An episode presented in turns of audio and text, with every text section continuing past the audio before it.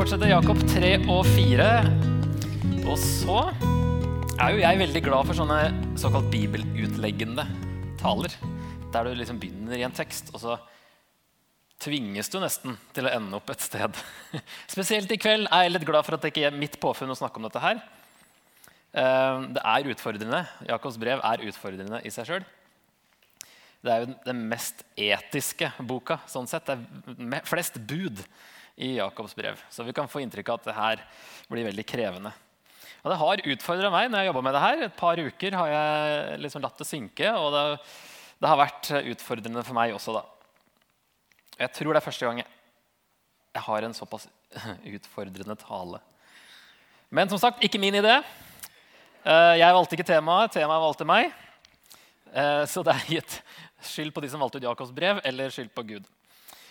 Så jeg føler jeg har ikke noe, valg, noe annet valg enn å liksom ta det videre, det eh, Jakob skriver om. da. Ehm, en predikant på 1800-tallet som het Charles Spurgeon, han sa at det er bedre å forkynne fem ord fra Guds ord enn fem millioner ord av menneskers visdom. Og det tror jeg på. Så det er veldig kult å kunne fordype seg litt i Jakobs brev. Da. Eh, jeg tror vi må begynne litt på eh, starten, eller ta opp litt fra innledninga. Eh, ting som blir, fire punkter der som blir relevante for det som vi etter hvert kommer til. Første fra vers 2 til, til 8 så sier han først da Se det bare som en glede, søsken, når dere møter alle slags prøvelser. Og Så sier han senere i kapittel 2 at det er de rike som undertrykker dem, og som drar dem for retten. står det, altså Saksøker dem og lager problemer. Da. Så de er under press fra omgivelsene. En eller annen form for press. En eller annen form for forfølgelse, kan vi si. For det andre sier han i vers 3 eh, videre da, For dere vet at når troen blir prøvet, skaper det utholdenhet, men utholdenheten må føre til fullkommen gjerning, så dere kan være fullkomne og hele uten noen mangel. Og et annet ord for det å være hel er å ha integritet. Det er egentlig det ordet som ligger bak der. Eh, så målet er å ha en, en helhet, en integritet, i livet som kristne. Som dere så på sist med, med Brynjar, det at troen viser seg i livet. Da har du liksom en integritet, og du er ikke splitta med at du tror én ting, og, og, så er det noe annet som vises. da. Så sier han i vers 5.: Om noen blant dere mangler visdom, skal han be til Gud, som villig og uten å bebreide gir til alle, og han skal få. Så det er tredje punktet, at eh, vi kan be om visdom. Eh, men i Bibelen så handler visdom litt eh, Det er ikke om kunnskap eller det å være smart, som vi kanskje tenker på som det vanlig. Det er faktisk veldig praktisk. Det er om hvordan leve et liv etter Guds vilje. Det er det som er det den vise gjør. Han lever etter Guds vilje. Så Den er, er grei å få med seg på veien. Og så er det de siste versene 6-8. Men han må be i tro, uten å tvile. For den som tviler, ligner en bølge på havet som drives og kastes hit og dit av vinden. Ikke må et slikt menneske vente å få noe av Herren, splittet som han er, og ustø i all sin ferd. Ok, Vi må be i tro uten å tvile. Eh, hva slags tvil er det Jakob snakker om? Det blir veldig sentralt egentlig for det vi kommer til utover. For han, han forklarer det som å kastes rundt og være ustø, og at man er splittet. Og du ser på engelsken, så står det 'double-minded' på siste linja der. Og i andre norske oversettelser sto det tidligere, eller kanskje fortsatt står i andre, 'tvesinnet', som er egentlig det samme som 'double-minded'. Du har to sinn. At du er delt. Det er sånn type splittet han snakker om. Så det er ikke snakk om ha at man må tro nok i bønn, men man må være overgitt. Du kan ikke være splitta. Liksom, som han sier senere i kapittel 4, dere ber, men dere får ikke, for dere ber galt, for dere vil sløse det bort på nytelser. Da er man litt sånn splitta. Ber Gud om å få noe til å bruke på noe helt annet.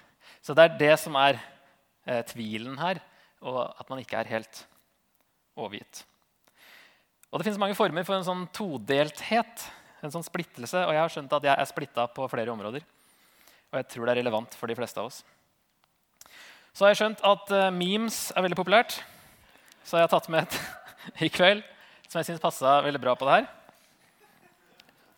Med at uh, sånn fence riders kan den nåla svinge veldig, veldig, veldig fram og tilbake etter hvilken situasjon man er i. Leve for Gud, leve for verden.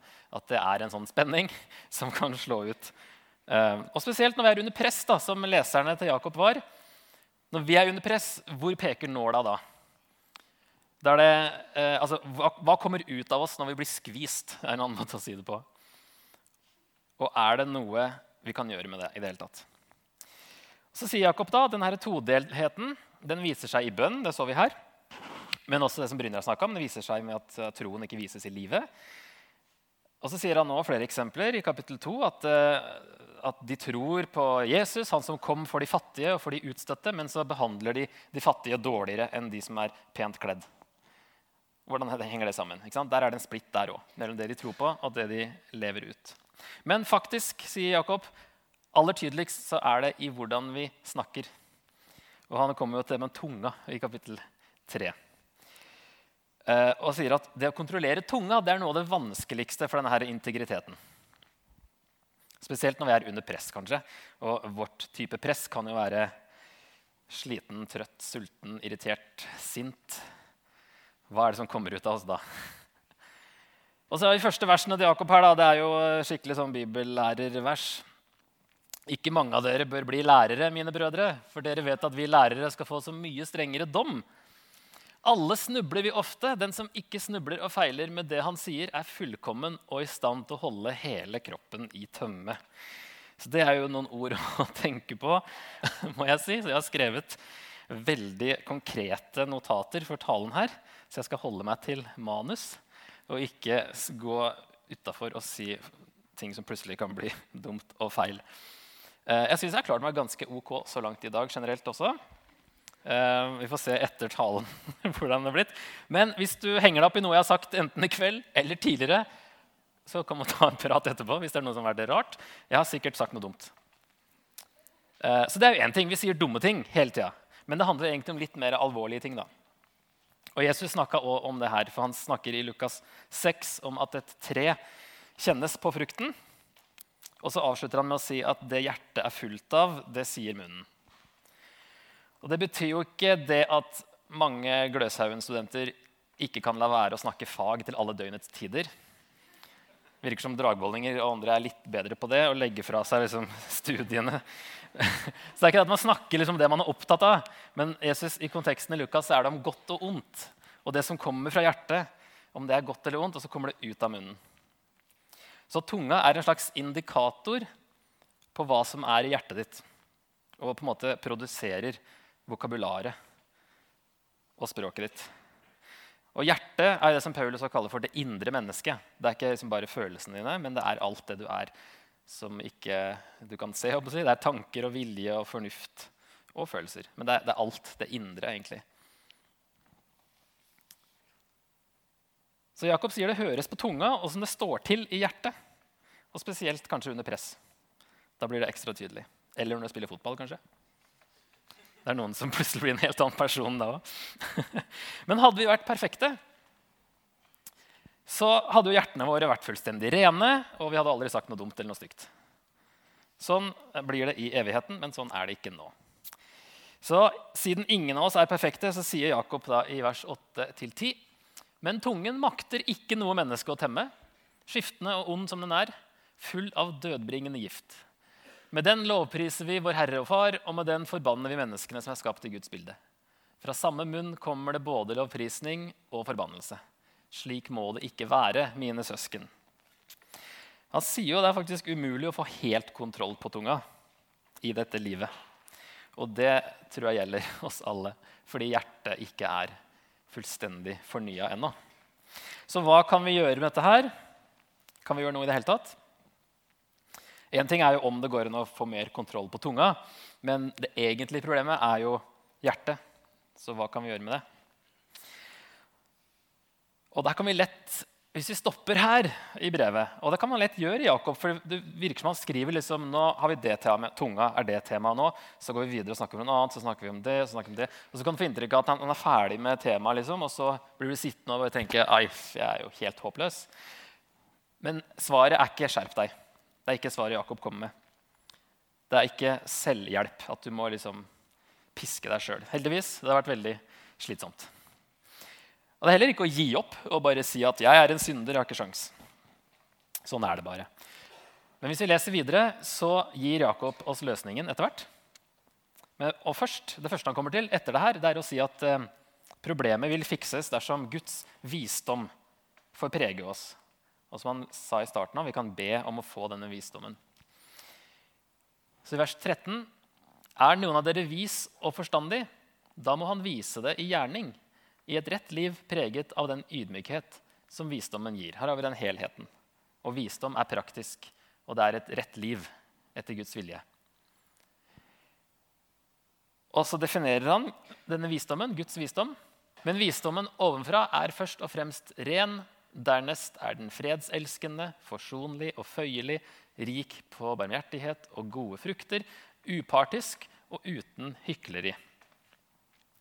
Jeg synes jo Det ligner veldig på åndens frukt, for eksempel, som Paulus skriver om i Galaterne 5, og det ligner på kjærligheten i 1. Korinter 13. Så jeg tror egentlig det er Jakobs eh, versjon av åndens frukt og, og kjærligheten, som han kaller for Guds visdom, som vil prege oss til å bli sånn hvis vi lar Gud gjøre det. da. Vi blir sånn hvis vi lar Gud jobbe med oss. Og Så kommer vi til det som jeg får inntrykk av er liksom selve klimakset i brevet. I kapittel 4. Der selve løsningen gis. da. For på en måte så har han eh, diagnostisert oss til nå. Og det kan jo hende at vi føler oss litt sjuke etter å ha lest litt i Jakobs brev. Eh, og så har han sagt at medisinen det er Guds visdom. Og så kan vi lure på hvordan får vi Guds visdom. Vi kan be om det, ja.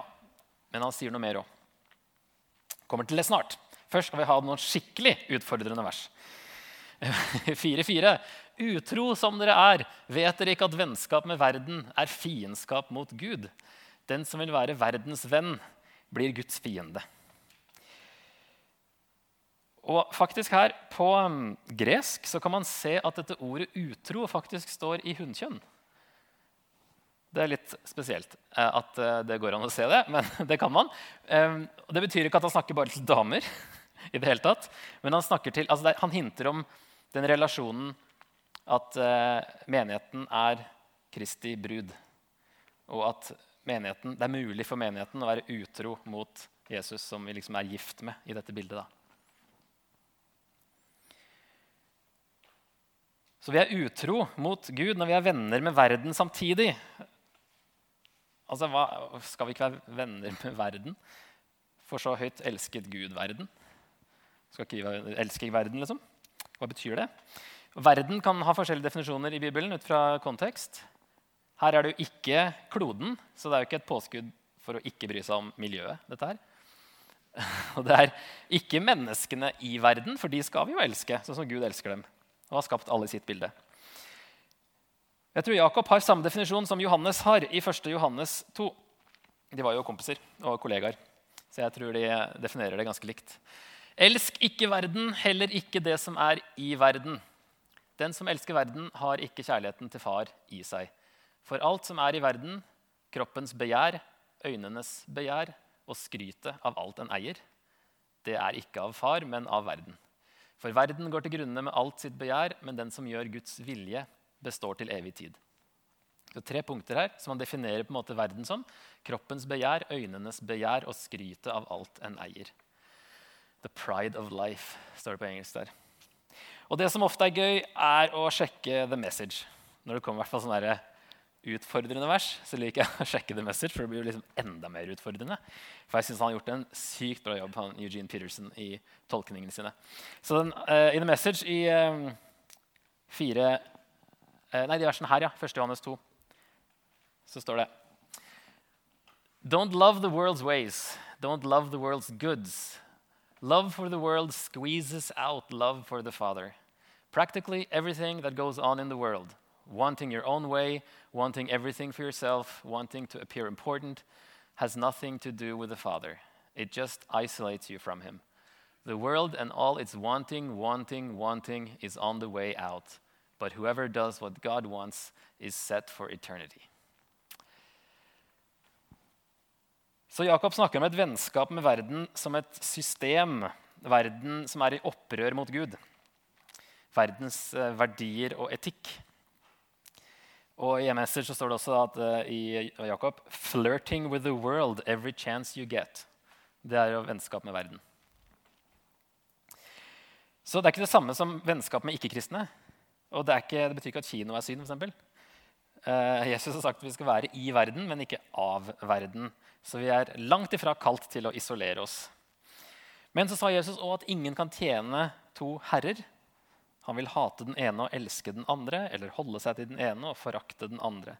Dere kan ikke tjene både Gud og mammon. Og mammon er et ord som betyr penger, formue og eiendom. Det går ikke, sier Jesus, å tjene både altså På norsk går det jo å tjene penger og tjene Gud samtidig. ikke sant? Men, norsk er det eneste unntaket. Men det går ikke an å ha to, to herrer. Um, og Et trist eksempel fra Bibelen på en ganske ukjent person faktisk, som dere kanskje aldri har hørt om. Han heter Demas. Han er nevnt tre ganger i Bibelen. Og vi kan se faktisk hele poenget ut fra de tre gangene han er nevnt. Han var en medarbeider av Paulus, og i Kolossebrevet så skriver Paulus da Lukas, vår kjære lege, hilser dere. Demas også. så han er med eh, Paulus når han skriver eh, Kolossbrevet. Og i Filemon, som er skrev ca. samtidig, Epafras, min medfange for Kristi Jesus skyld, hilser deg. Det samme gjør Markus, Aristarkos, Demas og Lukas, mine medarbeidere. Men så, bare et par år senere, så skriver Paulus 2. Timoteus, som er det siste brevet han skrev. Og Da sier han til Timoteus.: Kom til meg så fort du kan, for Demas forlot meg fordi han fikk den nåværende verden kjær. Så på, på noen få år der har gått fra å være Paulus i medarbeider til å ha blitt litt for glad i verden og, og, og, og forlot Paulus. da. Så det er utfordrende å leve i denne verden med Guds verdier. Å leve i én verden med en etikk fra en annen verden. Og Jesus kaller oss til å leve sånn som han levde, etter det budskapet som han kom med, som er jo også den etikken da, som skal gjelde i evigheten, som er det riket vi er kalt til å være en del av. Så det er på en måte en sånn fors, forsmak, forskudd på hvordan det blir i evigheten. Men det går ikke å kombinere de to verdenene, for de er så motsatte. Og I vers 8 så sier Jakob der nevner han dette med delt sinn en gang til. Vi kan lese kanskje neste versene her. da. Men nåden han gir, er større. Derfor heter det, Gud står de stolte imot, men de ydmyke gir han nåde. Så vær da lydige mot Gud, men stå djevelen imot, så skal han flykte fra dere. Hold dere nær til Gud, så skal han holde seg nær til dere. Vask hendene, dere syndere. Rens hjertene, dere som har et delt sinn. Og Her er det en sånn parallell som man ofte lager da i Bibelen. mellom den siste setningen der står det Vask hendene, dere syndere. Rens hjertene, dere som har et delt sinn. At det blir en parallell mellom faktisk syndere og dere som har et delt sinn. Så det her er ganske alvorlig og viktig. Men heldigvis, da, vers 6, men nåden han gir, er større. Vi er utro, men nåden han gir, er større. Derfor heter det Gud står de stolte imot, men de ydmyke gir han nåde. Så hvordan får vi denne nåden her? Vi må ydmyke oss. Og Det positive med det er at det betyr at vi må innse at vi trenger å ta imot noe. At vi trenger å få noe. Og det er jo ikke stress, det er jo bare ydmykende. Å måtte innse at vi ikke er nok. Og i vers 8.: Hold dere nær til Gud, så skal Han holde seg nær til dere. Så da tror jeg jeg har fått hele løsningen. Så skal vi sette opp det i rekkefølge her. Når vi omvender oss, overgir oss helhjerta til Gud, da holder vi oss nær til Han. Og da vil Gud holde oss nær til oss, og han vil gi oss av sin visdom, som Jakob også sier vi kan be om å få mer av. Og hans visdom vil gjøre oss ydmyke, fredselskende, forsonlige, føyelige, barmhjertige osv. Og, og det vil endre livene våre til å få et liv som henger sammen, sånn at troen viser seg i livet, og forhåpentligvis at tunga sier litt mindre stygge ting når hjertet blir endra. Det er ikke noen sånne store, revolusjonerende sannheter. dette her. Ganske sentrale ting som òg finnes i Jakob, selv om han høres mer streng ut. kanskje. Så hvordan kan det se ut da å ha én fot i Guds rike og samtidig prøve å få det som verden har å tilby. Eh, og en ting jeg har tenkt på, er jo det som kom veldig fram i den message-oversettelsen med um, Jeg husker ikke hva det sto, faktisk. Men uh, det her med uh, ønske altså Jeg føler av og til da, på å, Jeg skulle gjerne fremstå som en intellektuell person. og bli liksom respektert og anerkjent av liksom verden på den måten.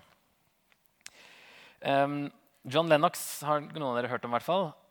Han um, fikk uh, helt i starten av, når han begynte å studere på Oxford, var det vel, så um, var han ganske tydelig med troen sin og ble liksom tatt inn på et møte med mange av lærerne som sa liksom at uh, ok, helt ærlig, hvis du har tenkt å komme noen vei profesjonelt, så må du bare slutte å, enten slutte å tro eller slutte å snakke om Gud. i Det hele tatt. Det, det, det er helt håpløst å liksom skulle være tydelig kristen osv. Og, uh, og så komme noen vei med i livet, sånn sett, da, i verden. Og han uh, svarte sånn ganske Nei takk. Det gidder jeg ikke å høre på. Og så ble han jo professor i matematikk og veldig kjent apologet osv. Så, videre. så det gikk fint, men han ble fraråda. Eh, du får ikke respekt, mente de da. Eh, en lignende fristelse er ønsket om å være politisk korrekt. Og man kan faktisk bli så respektfull overfor alle andre at ens egen tro nesten forsvinner. Man vil være kristen, men aldri støte noen og gjøre evangeliet spiselig for alle. Så ja, vi skal jo elske mennesker, vi skal ikke støte dem unødvendig. Men Bibelen sier jo at evangeliet er dårskap for verden. Det går ikke å gjøre det spiselig for alle. Det skal konfrontere. Og vi vil ha Gud, men vi vil også ha det komfortable livet vi er vant til, både i status og i ting. I hvert fall vi i Vesten er veldig vokst opp med det og syns det er veldig greit. Og det er det en liten fare der. Det er lett å tenke på hvordan gjør vi våre egne liv best mulig, og så glemmer vi å tenke på hva som tjener Guds rike mest. Eller vi ønsker å tilhøre Guds rike, men leve mest etter verdens moral. Det kan stå i sprik der også. En annen ting som utfordra meg, er å prøve å få Gud med på mine ting i stedet for at jeg blir med på Guds ting. Og selv når man jobber på en bibelskole, så går det an å bli for selvopptatt og glemme Gud. Tenke på egen karriere. Bli for profesjonell. altså Tenke bare at det er vi som driver den skolen her. Eh, vi gjør sånn og sånn og sånn. og sånn. Det går an uansett hva du jobber med. Og det er faktisk altfor lett å skrive en tale uten å be. Uten å ta med Gud i forberedelsene. Så ber jeg om at Gud skal velsigne mine planer, eller ber jeg la din vilje skje? Og En liten personlig lærepenge jeg fikk denne uka, eh, var at jeg tror det var, siden jeg har liksom holdt på i de versene her og tenkt litt rundt det, så begynte jeg å lure på om det har blitt litt mye min egen kraft i det siste. At jeg har lagt for mye press på meg sjøl, som om Guds rikes fremgang er avhengig av meg. Uh, og denne uka her var i utgangspunktet helt vilt travelt både for Monica og meg. Uh, Altfor mye på kalenderen, bl.a. denne talen og forberedelsene til den. Uh, og det som selvfølgelig skjer da, er jo det som aldri er tatt med i beregningen av timer når det er travelt, det er at først blir én unge sjuk, og så blir en annen unge sjuk. Så det var to sjuke unger i tillegg. Men merkelig nok så var ikke jeg så nervøs og stressa som jeg vanligvis ville vært. Men jeg tror det var fordi jeg hadde skjønt noe av den teksten her. faktisk. At det, det er, den overgivelsen, altså det er, Gud er mye mer opptatt av at jeg skal bli en bra tale enn det jeg er. håper jeg. Eller ja, ja, jeg kan ha mine motivasjoner for å fremstå som en intellektuell og respektert person som eh, holder sin tunge i tømme. Men poenget er at Gud, at Jesus, blir stor, ikke at talen i seg sjøl er bra. Så har jeg også oppdaga at det er lett å feie synd under teppet fordi Gud er eh, nådig og tilgir. Jeg tror jeg innså at jeg tok synd mer eh, seriøst før da jeg var yngre. Og hvis tunga er en indikator, så har jeg begynt å tenke på når kommer det bitre ord ut av munnen min? Hvilke temaer kanskje dreier det seg om? Og jeg har skjønt at i de tilfellene så det veldig, kan det veldig gjerne være at det er meg det er noe gærent med. At det er noe jeg må jobbe med i hjertet mitt. i stedet for at det er noe galt med alle andre. Så da kan vi prøve å høre hva tunga når den klikker. Si. Hva er situasjonen? Men ikke minst, da, til slutt Hvorfor skal jeg overgi meg helt til Gud? Det er liksom det, det fundamentale. Så, så, så, ikke det blir bare det derre ja, vi må prøve å få nåla til å svinge den veien. Eh, men, men, hvorfor? Hva er liksom grunnlaget? Og jeg synes Det var et veldig fint tema i lovsangene før talen som støtter opp under det poenget som nå kommer. um, altså For det første da, så går det ikke å kombinere. Det er en ting, som både Jesus og Jakob sier. Det kommer ikke til å gå i lengden. Fordi verden er i opprør mot Gud, så, og vi tilhører et annet rike, så går ikke det. Og for det andre um, tror vi kanskje vi mister en slags frihet hvis vi lever sånn som Gud vil.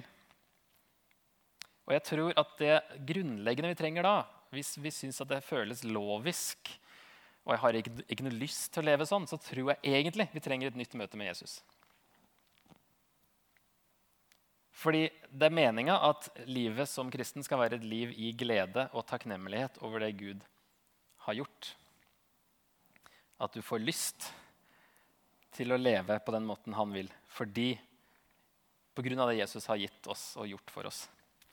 Så når vi forstår evangeliet virkelig, da vil vi endre livsstil. Så kanskje ikke, altså ikke havn i den derre 'jeg må forbedre meg, bli bedre', bedre sånn. Da, da, er det kanskje bedre å jeg må møte Jesus på nytt eller på ordentlig eller på en, ja, en mer dypere måte.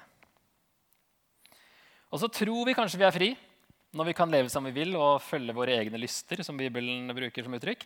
Men den friheten er jo egentlig en illusjon. For du kan jo aldri leve helt som du vil og samtidig oppnå alt du ønsker. Du må alltid gi opp noe fordi du ønsker noe annet mer. Det gjelder alt. For eksempel, vil du gifte deg, en vakker dag, eller hvis du er gift, så må du ofre f.eks. uavhengigheten din. Det sier seg sjøl. Vil du gjøre, være akkurat som du bare tenker på deg sjøl hele tida? Det er jo det vi naturlig gjør liksom, når vi bare følger våre egne innskytelser. Så er det ikke sikkert du får så mange venner. Du må tenke litt større. Og Bibelen sier jo egentlig at den friheten som vi tror at verden tilbyr, er jo egentlig et annet form for, annen form for slaveri.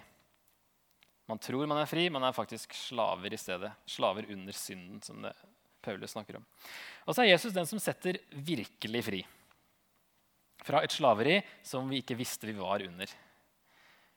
Setter oss fri fra synd, fra selvsentrerthet. Setter oss fri fra ting. Og i den gamle salmen 'It is well with my soul', som eh, her om dagen var det spesielt én linje i den, eh, et vers der som grep meg litt sånn uvant. Eh, litt ekstra. Et vers som går sånn som det her. But Lord, it is for thee, for thy coming we wait. The sky, not the grave, is our goal. O trump of the angel, O voice of the Lord, blessed hope, blessed rest of my soul.